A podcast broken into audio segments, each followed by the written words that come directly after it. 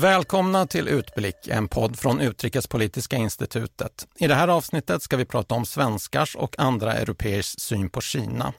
Jag heter Jalal Laloni och via länk har jag med mig Björn Gerdén, chef för Asienprogrammet här på Utrikespolitiska institutet och blivande chef för ett kunskapscentrum om Kina som inrättas här 2021. Hej! Hej! Du är en av dem som står bakom en undersökning som gjorts i Sverige och Europa och som visar att svenskars misstro mot Kina är stor och växande. Och det här ska vi prata mycket mer om, men vi ska passa på att presentera dagens andra gäst, ännu en Björn, Björn Fägersten, chef för Utrikespolitiska institutets Europaprogram. Hej! Hej, hej! Innan vi fördjupar oss i europeers syn på Kina skulle jag vilja fråga er båda två. Varför är det viktigt att ta reda på hur man ser på Kina i olika länder i Europa? Björn Gerdén. Ja, Kina har ju fått en allt större närvaro i Europa under senare år och Kina uppmärksammas mer i media och det gör ju att vanligt folk tvingas tänka mer kring Kina. Eh, och i slutändan så innebär ju det också att eh, beslutsfattare behöver ta ställning till folks åsikter om Kina. Det vill säga att Kina inte längre är någonting som enbart Kina-specialister och diplomater sysslar med, utan det blir liksom en allmän utrikespolitisk fråga och därför är det viktigt, tycker jag, att titta också på utvecklingen av allmänhetens åsikter. Och vad säger du Björn Fägersten, varför ska man bry sig om vad folk tycker om Kina i Europa? Ja, nej, men precis som Björn säger så är det här någonting som, som påverkar allt fler i, i samhället. Och från en, i en europeisk kontext så, så är det också viktigt eftersom vi i grund och botten ska försöka att enas, i alla fall inom EU, om en eller i alla fall flera linjer gentemot Kina, hur man ska förhålla sig till eh, Kina på olika plan, politiskt, säkerhetspolitiskt, ekonomiskt eh, och foga ihop ett antal olika europeiska viljor. Och då är det såklart bra att ha kunskap om hur det faktiskt ser ut, vad det finns för preferenser i olika länder. Mm, vi ska återkomma till det där eh, och prata mer med dig Björn Fägersten om skillnader mellan europeiska länder när det gäller synen på Kina och även hur relationerna kan påverkas av det här. Då. Men vi håller oss kvar vid svenskars Kina-bild en stund. Den här undersökningen som vi nämnde har gjorts i 13 europeiska länder och när det gäller Sverige visar den att 80 procent av svenskarna misstror Kina. Bara 15 procent har en positiv inställning till landet. Hela 60 procent av svenskarna uppger att deras syn på Kina försämrats under de senaste tre åren. Och den svenska misstron är störst i Europa. Bland de 13 länder som ingår i undersökningen är Kina-bilden mest negativ här i Sverige. Då. Många olika siffror där, men sammantaget ger det en bild av att svenskar inte litar på Kina som land. Björn Jardén, varför ser det ut så här? Ja, den här undersökningen bekräftar egentligen andra studier vi sett från de senaste åren som visar att svenska syn på Kina sticker ut i en europeisk kontext. Svenska är mer negativa än eh, de flesta andra länder. Eh, om vi ser den allmänna utvecklingen eh, så tycks det som att pandemin i sig har bidragit till en sämre bild av Kina. Inte bara i Sverige utan även i andra länder. Och vi kan också jämföra med andra opinionsundersökningar som visar att många svenskar och andra europeer inte tycker att kinesiska myndigheter initialt hanterade pandemin särskilt väl. Och trots att Kina har försökt genom en så kallad maskdiplomati, ansiktsmaskdiplomati, visa att man eh, kan vara en vän i nöden till andra länder. Och den här ansiktsmaskdiplomatin, Björn Jardén, är det det att Kina skänkte ansiktsmasker till olika länder? Ja, man skänkte en del, men framförallt sålde man ansiktsmasker.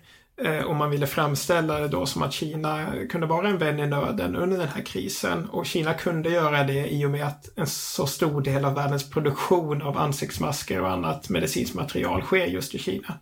Men det funkade inte så väl om man ser på hur Kina-bilden förändrades eh, under coronapandemin. Ja, det skiljer sig lite mellan länder. Om man tar Sverige till exempel så tror jag bara ett par procent tyckte att Kina hade hjälpt Sverige under pandemin. Men i ett land som Italien så eh, finns det faktiskt en stor del av befolkningen som tycker att Kina har hjälpt oss. Och kanske att Kina har hjälpt oss mer än vad många andra länder har gjort. Eh, så, det är en delförklaring här. Eh, men den svenska utvecklingen sticker ut här va. och det var egentligen någonting som började ja, sen 2018 i alla fall, det vill säga innan pandemin började, så vi måste titta vidare. Det är klart att det har hänt en del saker sedan dess, eh, framförallt eh, utvecklingen i Hongkong Eh, vilket har fått ett stort genomslag i svensk media och det är möjligt att det har bidragit på marginalen. Men jag tror ändå för, huvudförklaringen till att Sverige sticker ut har att göra med eh, specifika aspekter av utvecklingen i Sveriges relation till Kina som vi sett under de senaste åren. Och apropå den trassliga relationen mellan Sverige och Kina så ska vi lyssna på några exempel på hur det kan låta i rapporteringen. Kinas utrikesdepartement gick idag till angrepp mot Sverige efter portningen av de kinesiska bolagen Huawei och ZTE från utbyggnaden av 5G i det svenska telenätet. Utrikesminister Ann Linde kallade till sig den kinesiska ambassadören idag efter den kinesiska domen mot förläggaren Gui Minhai som dömts till tio års fängelse Svenska Dagbladet, Sveriges Radio, Sveriges Television och Expressen berättar alla att de de senaste åren upprepade gånger kontaktats av Kinas ambassad via brev och mejl med bland annat kritik mot publiceringar. Mm, nyhetsklipp från Sveriges Radio Ekot, TV4 och Sveriges Television om att eh, kinesiska företag stängs ute från utbyggnaden av 5G-nätet om den fängslade svensk-kinesiske förläggaren Gui Minai om hur Kinas ambassad i Sverige försöker påverka den svenska medierapporteringen. Om man lyssnar på det här och tänker på allting som har hänt de senaste åren, är det inte rimligt att svenskarna har en negativ bild av Kina, Björn Gardén? Jag tror man ska förstå utvecklingen i den svenska synen på Kina i relation till just det som har hänt mellan länderna. Och om vi börjar med Gui Minhai-fallet så blir ju Gui Minhai kidnappad från Thailand och sedermera fängslad i Kina. Men det här skedde faktiskt för redan fem år sedan. Och under de första åren så fick inte det här fallet speciellt mycket uppmärksamhet i Sverige. Eh, och jag tror inte heller kanske att det påverkade allmänhetens syn på Kina i eh, speciellt stor utsträckning. Men de senaste två åren speciellt så har det förändrats och det har hänt två saker då egentligen. Det ena är att Kinas utrikesdepartement genom dess ambassad i Stockholm har blivit väldigt aktivt eh, när det gäller att kritisera eh, uttalanden om Kina från svenska journalister, människorättsaktivister, politiker, forskare och andra. Eh, ambassadören i Stockholm har eh, låtit sig intervjuas av de flesta större mediehus, skrivit debattartiklar och liknande. Och jag tror att den här kampanjen i sig kan ha bidragit till en sämre Kina-bild i och med att mottagandet av kampanjen har varit negativ i media och det har också bidragit till att rikta sökarljuset mot Kina även när det gäller andra frågor som människorättssituationen i Kina. Det är det ena.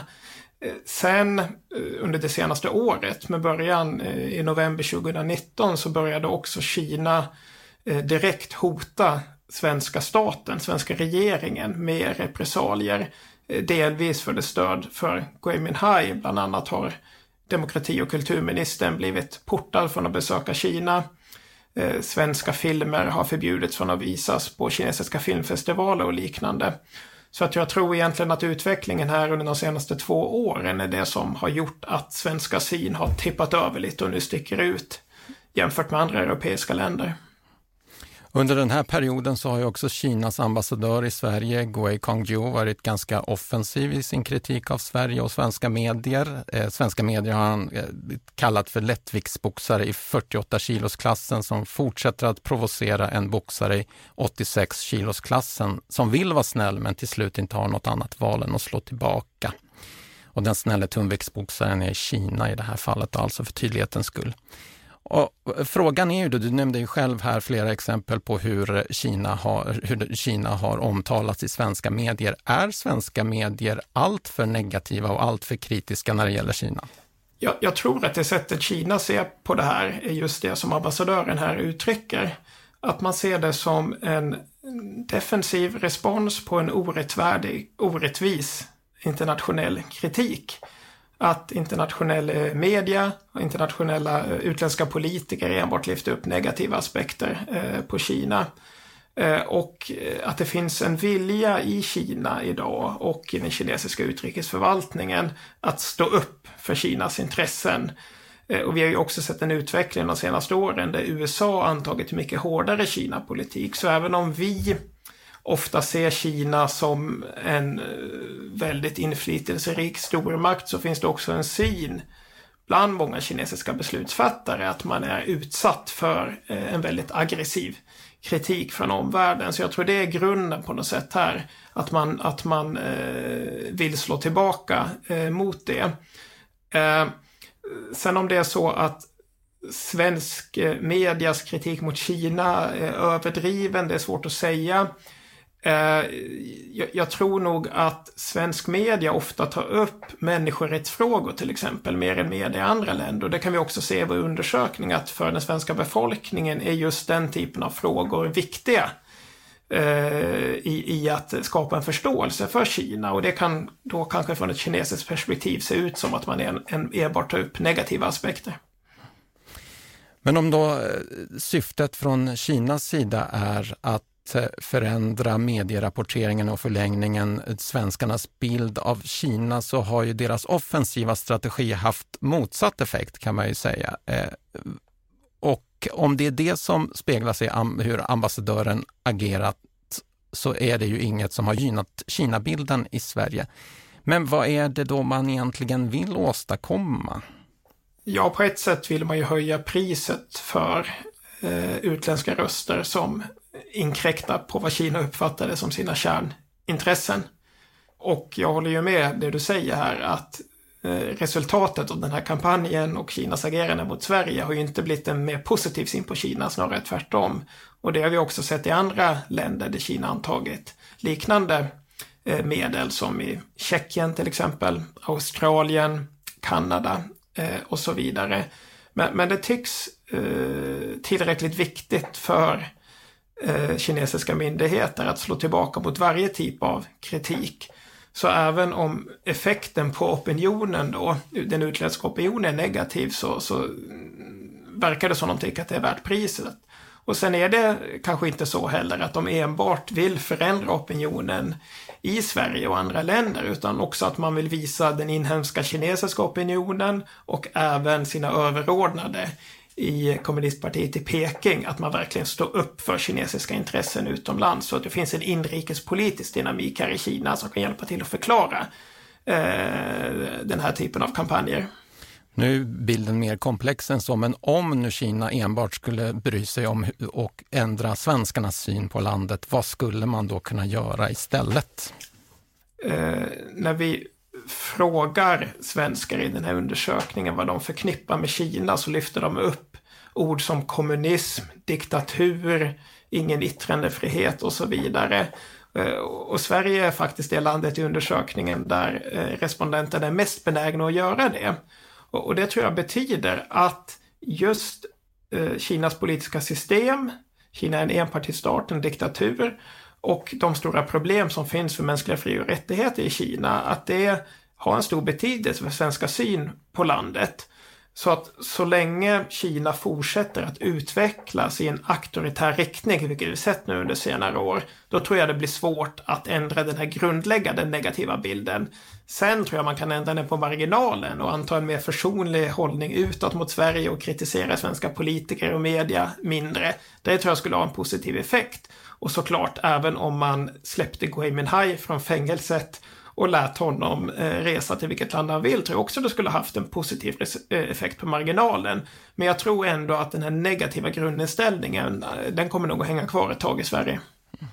Det ska till stora grundläggande förändringar för att i förlängningen också förändra bilden av Kina.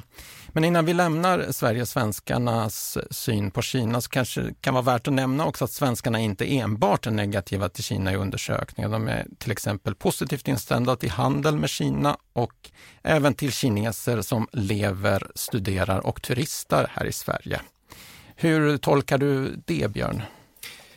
Nej, men jag, jag, tror nog att det är just synen på den kinesiska staten, kinesiska kommunistpartiet vi pratar om här. Och inte på kineser i allmänhet, vare sig kineser i Kina eller kineser i, Sverige, både kinesiska medborgare och etniska kineser. Eh, och eh, personerna i undersökningen svarar också att just eh, ekonomiska utbyte med Kina och även utbyte inom multilateralt samarbete är väldigt viktigt. Eh, så det är inte så att vi ser tecken på att svenskarna helt vill distansera sig från eh, Kina, utan man är fortfarande öppen för att handla med Kina och för att samarbeta med Kina.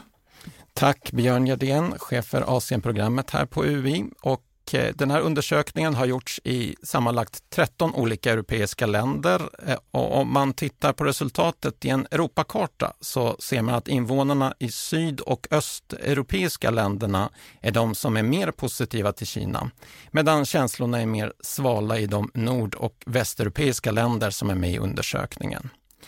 Vad kan vara förklaringen till att det ser ut så här, Björn Fägersten, chef för Europaprogrammet här på Utrikespolitiska institutet?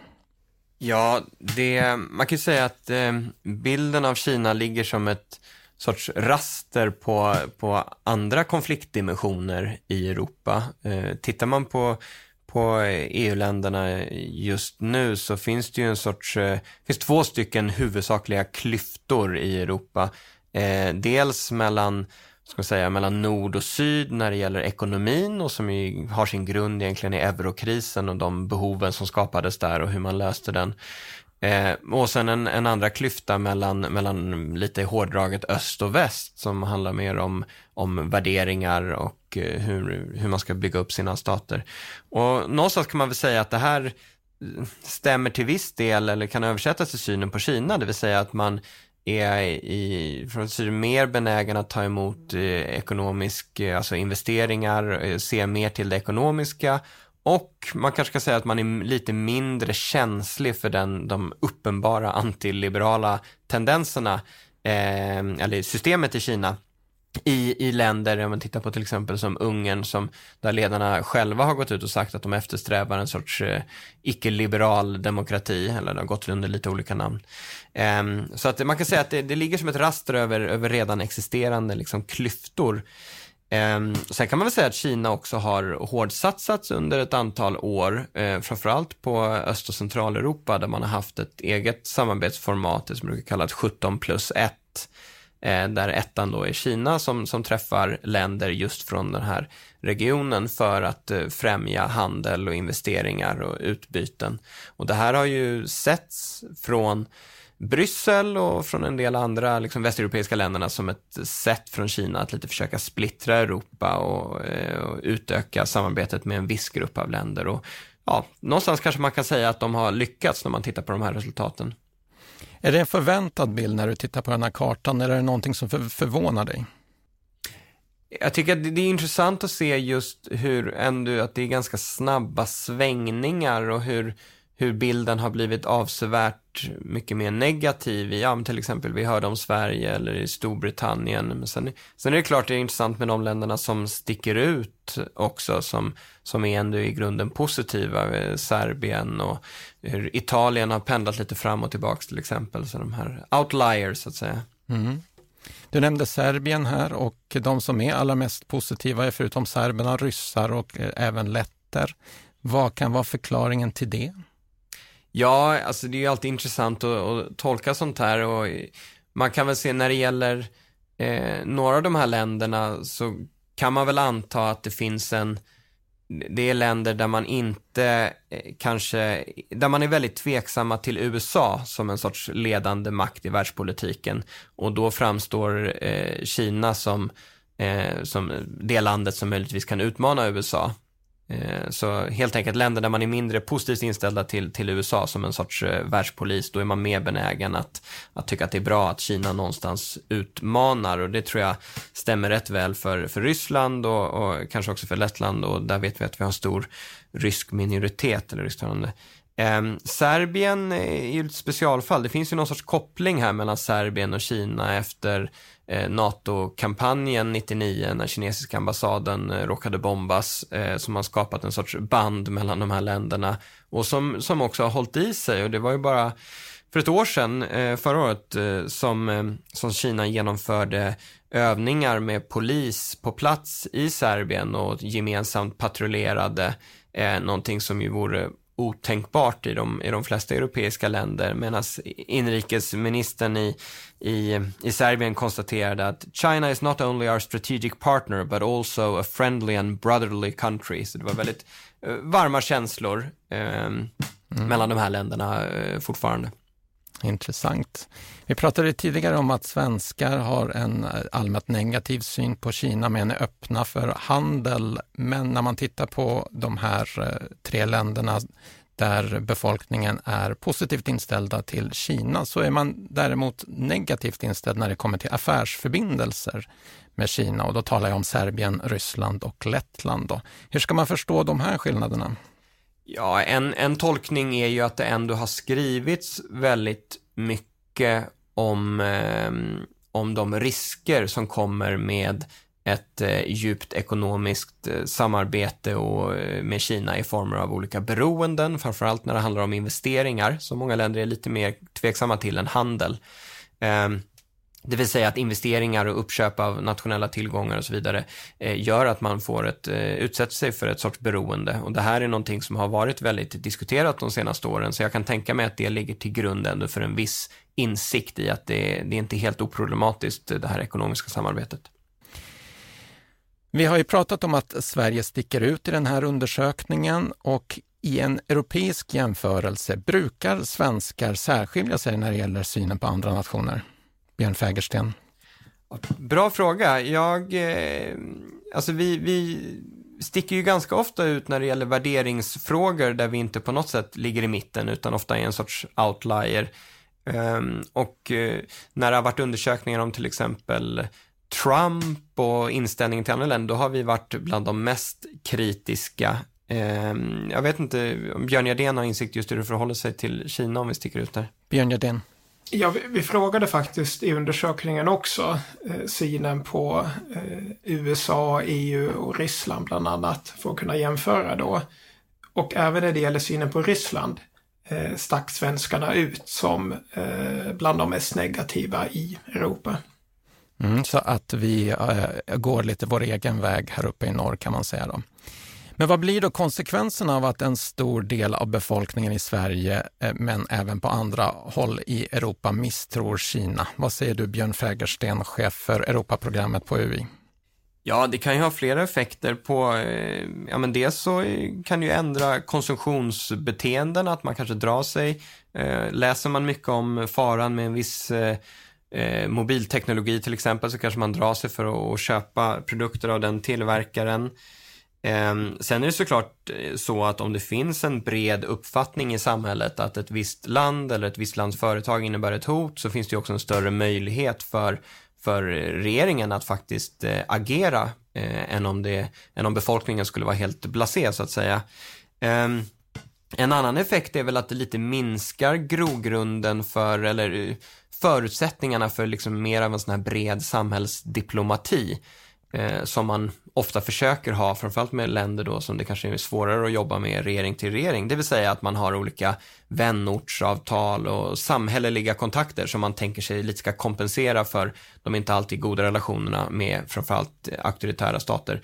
Men är det så att befolkningen överlag är, är väldigt kritisk, då, då tappar ju även den formen av samhälleliga kontakter lite av sin vikt och det blir helt enkelt mindre, mindre relevant.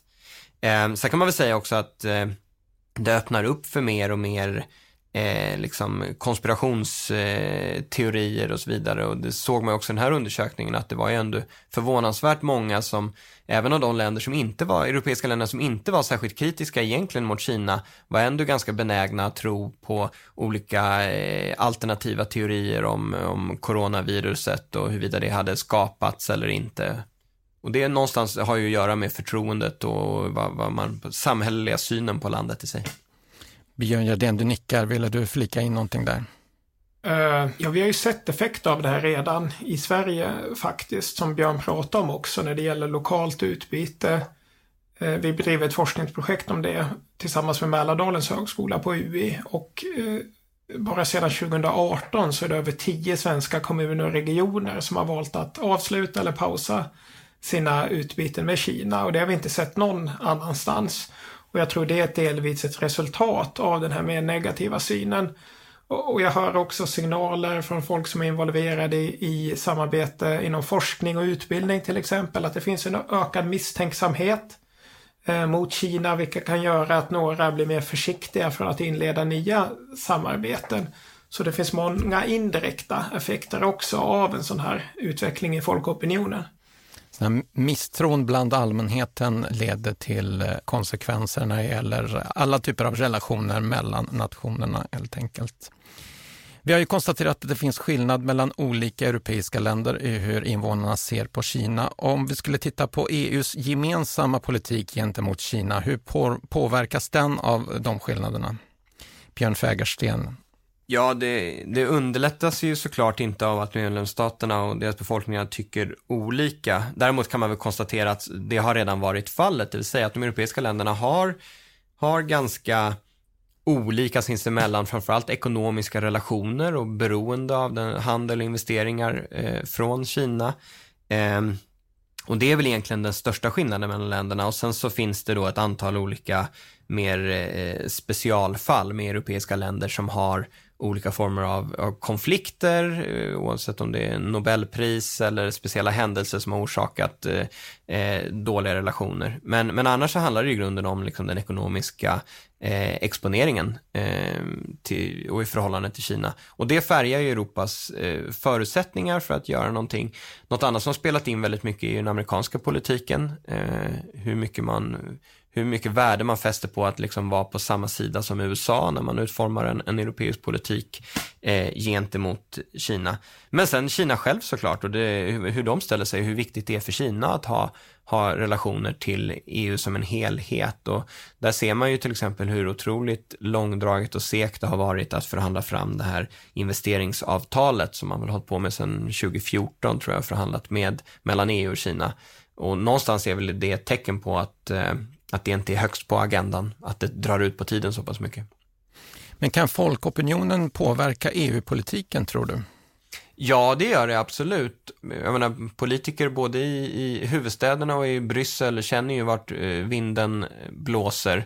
Och eh, särskilt skulle jag säga nu i, i Bryssel där man under de senare år har har varit tydlig med att EU måste bli mer av en maktspelare inom världspolitiken. Vi måste learn the language of power, som den utrikespolitiska representanten sa. Och det tycker jag särskilt har visat sig i relationen till Kina, där man tydligare än tidigare har, har liksom eh, markerat eh, mot Kina, eller i alla fall markerat att man har i grunden en annan, man pekar ut Kina som en systemrival till exempel.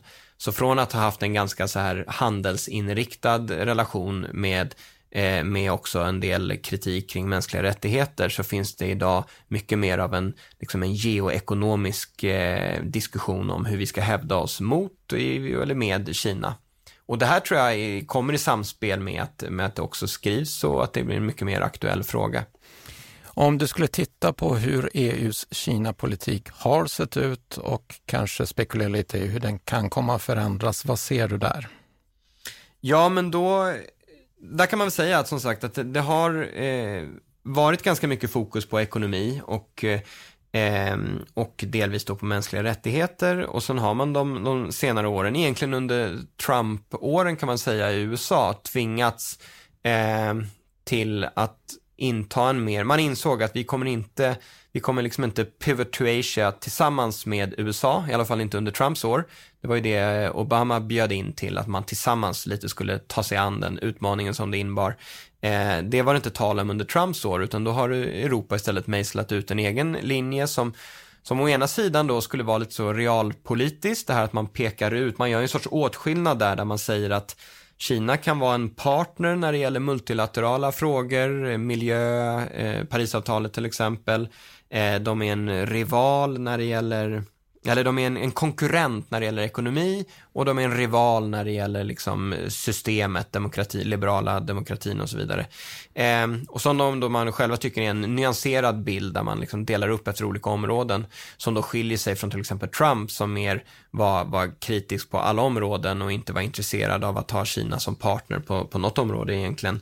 Och också förespråkade en sorts avknoppning rent ekonomiskt som de europeiska länderna inte har någon som helst lust att betala för eller genomlida för det skulle bli oerhört kostsamt att, att liksom då eh, klippa av de banden. Så man har helt enkelt, man har försökt då mejsla ut en egen väg eh, det som den höga representanten kallade sin Sinatra Doctrine, att man skulle gå sin egen väg eh, i Europa.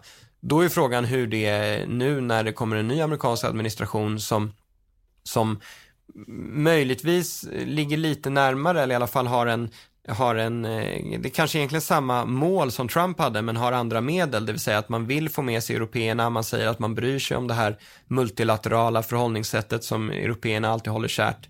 Eh, men målet är egentligen samma från USA, man vill få med sig eh, européerna på vagnen, på någon sorts enad front. Eh, Trump försökte göra det här genom att skrämmas och eh, Biden ser ut att göra det genom att egentligen omformulera lite av Kina-politiken till att bli mer normativt, att vi, vi behöver hålla ihop vid demokratier, eh, vi behöver reformera multilaterala systemet, vi tillsammans som demokratier och så vidare. Ehm, så målet är kanske inte så stor skillnad, men, men medlen skiljer sig åt väldigt mycket. Och det, är, det ställer ju frågan då, kommer européerna nu att eh, köper de det här eh, betet från eh, Biden och, och liksom eh, kommer med amerikanerna? Eller kommer vi fortsätta att hävda någon sorts Sinatra-doktrin att nej men vi ska gå vår egen väg. Och där finns ju någon sorts extrempunkt, det är ju vissa som har pratat om någon sorts equidistance, det vill säga att Europa då skulle ha egentligen då samma politiska avstånd till Kina som till USA vilket för de flesta framstår som en ganska bizarr utgångspunkt med tanke på att de flesta europeiska länderna ändå är en militärallians med USA. Så att självklart ligger vi politiskt sett mycket närmare USA än, än någonsin Kina. Men det har i alla fall varit en utgångspunkt och sen andra som tycker att nej, men vi ska i stort sett vara som en aktör tillsammans med USA. Och eh, där får man väl se vart man landar, men nog kan man anta att med Biden så är det mer troligt att Europa får ändå någon sorts eh, samordnad eh, perspektiv på Kina med, med USA. Mm, den här undersökningen som vi pratat om är gjord i europeiska länder, men en undersökning gjord av Pew Research Center som inkluderade även icke-europeiska länder som USA, Kanada, Sydkorea och Japan visar också att Kina-bilden försämrats i de länderna. När det gäller Sverige så har vi ju nämnt eh, skillnaden i politiska system och svenska händelser här, som den fängslade förläggaren Gui Minais fall. Men varför ser vi samma utveckling på andra håll, Björn Jördén, Asienchef här på UI? Ja, den trend vi sett i världen på senare år, det är att eh, västländer, USA, Europa, Australien, Nya Zeeland och en rad andra utvecklade demokratier med täta band till väst, Sydkorea och Japan bland annat, har en eh, generellt negativ syn på Kina. Sen är synen mycket bättre i många andra delar av världen. Eh, I Afrika till exempel, Latinamerika, stora delar av Asien och Mellanöstern finns det en mer positiv eh, syn på Kina. Eh, och det är lite olika förklaringar till varför synen har försämrats i en del länder. Om vi säger Japan och Sydkorea till exempel har det funnits problem i de ländernas relation med Kina under lång tid. Så det är egentligen en tidigare utveckling. Men om vi ser på väst då så har vi sett en höjd konfliktnivå eh, mellan USA och Kina framförallt under de senaste åren. Och eh, kinesiska beslutsfattare tenderar att se världen genom en slags stormaktsprism. En maktkamp med USA. Eh, så jag tror också att man ser på relationerna med de här mindre länderna då, inklusive Europa från det perspektivet faktiskt. Eh, utifrån det här paradigmet. Och att man då vill förhindra eh, genom olika former av påtryckningar de här länderna från att sluta upp med USA, just som Björn eh, diskutera det här, att vi har sett den debatten i Europa, att man vill förhindra de här länderna för att tillsammans med USA inleda någon slags uppdämningspolitik gentemot Kina, lik den vi såg mot Sovjetunionen under eh, kalla kriget. Så, så det är inte bara konflikten mellan Kina och USA som har höjts, utan också mellan Kina och flera andra länder, Sverige, Australien, Kanada och så vidare. Så jag tror att det, liksom i fallet Sverige, också förklarar utvecklingen i flera av de här andra länderna. Vad skulle kunna vända den här utvecklingen då? Ja, alltså som trenden ser ut nu så tycks det ju inte som att eh, vi kommer att se eh, en positiv vändning. Eh, dels eftersom vi ser den här internationella konfliktnivån, men också eftersom Kina idag väldigt tydligt går mot en mer auktoritär riktning. Eh, det finns inga eh, förslag eh, i Kina och inga förväntningar från omvärlden att landet ska bli mer liberalt och bli mer demokratiskt. Och det här sker då samtidigt som Kina får ett större internationellt inflytande, vilket leder till en oro i omvärlden och också påverkar synen på ett negativt sätt. Eh, vad tror du Björn Fägersten, vad, vad skulle kunna en, vända den här utvecklingen? Nej, jag tror inte, jag tror inte så mycket kan vända den egentligen, utan det vi ser, den stora föränd, liksom strukturella skeendet vi ser är ändå att Kina blir mäktigare och mäktigare och håller på att utmana och kommer enligt flera olika mätbara senare att, att gå om USA eh, i sinom tid som världens mäktigaste land. Och sådana maktförskjutningar och förflyttningar är smärtsamma och orsakar massvis med friktion eh, historiskt sett. Eh, lite oavsett vilken, eh, liksom, vilken sorts regim det handlar om. Eh, sen är det såklart att det är obehagligt att det här är en icke-demokratisk regim. Eh, men i grunden är det här någonting som ganska sällan sker fredligt. Eh, det finns exempel på det, men, men ändå. Så att det här är någonting vi kommer att få leva med i, i årtionden framöver och jag tror att det är det som kommer färga internationell politik. Och det påverkar såklart också Europas roll. Ehm, det här kommer vara, stå på, högst upp på USAs agenda eh, oavsett vem som är president, eh, som sagt, åren framöver.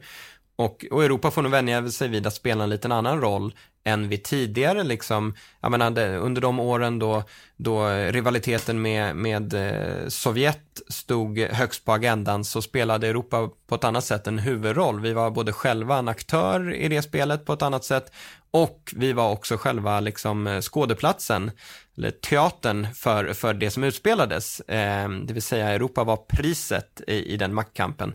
Europa är lite mer perifert i den här stormaktsrivaliteten och det får vi nog eh, vänja oss vid eh, att då spela lite, lite mer undanskymd roll helt enkelt. Och den här stormaktsrivaliteten gör att vi är på den andra sidan sett från Kinas sätt, vilket kommer att fortsätta leda till en negativ Kina-bild. Förstår jag det rätt då? Ja, alltså här försöker väl ändå eh, de flesta europeiska politiker att inte så tydligt, eh, framförallt nu under Trumps år, så vill man ju inte hoppa på den här vagnen för att liksom, och, och vara tydligt på en sida.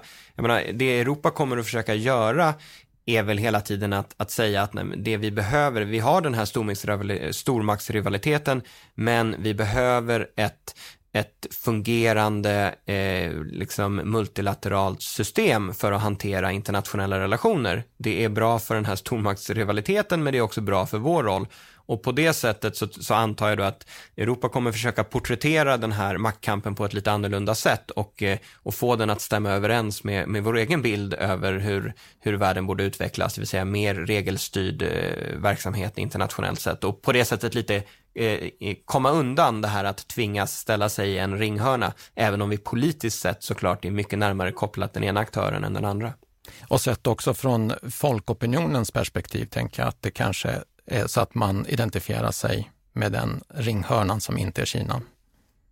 Ja, nej men jag tror att syn, jag menar så var ju så var det ju under kalla kriget också, att det fanns en väldigt tydlig uppfattning om ändå vart man hörde hemma och det tror jag eh, här, det gör här också rent politiskt, men samtidigt så har vi en, en nivå av eh, ömsesidigt beroende mellan de flesta europeiska länder eh, eh och, och till exempel Kina, eh, eller i alla fall från ett svenskt vidare, som man inte hade under kalla kriget. Det vill säga vi är så eh, till en sån nivå i vår ekonomi och delar av vårt samhälle är beroende av kinesiska produkter, varor, tjänster och handel och fortsatt handel.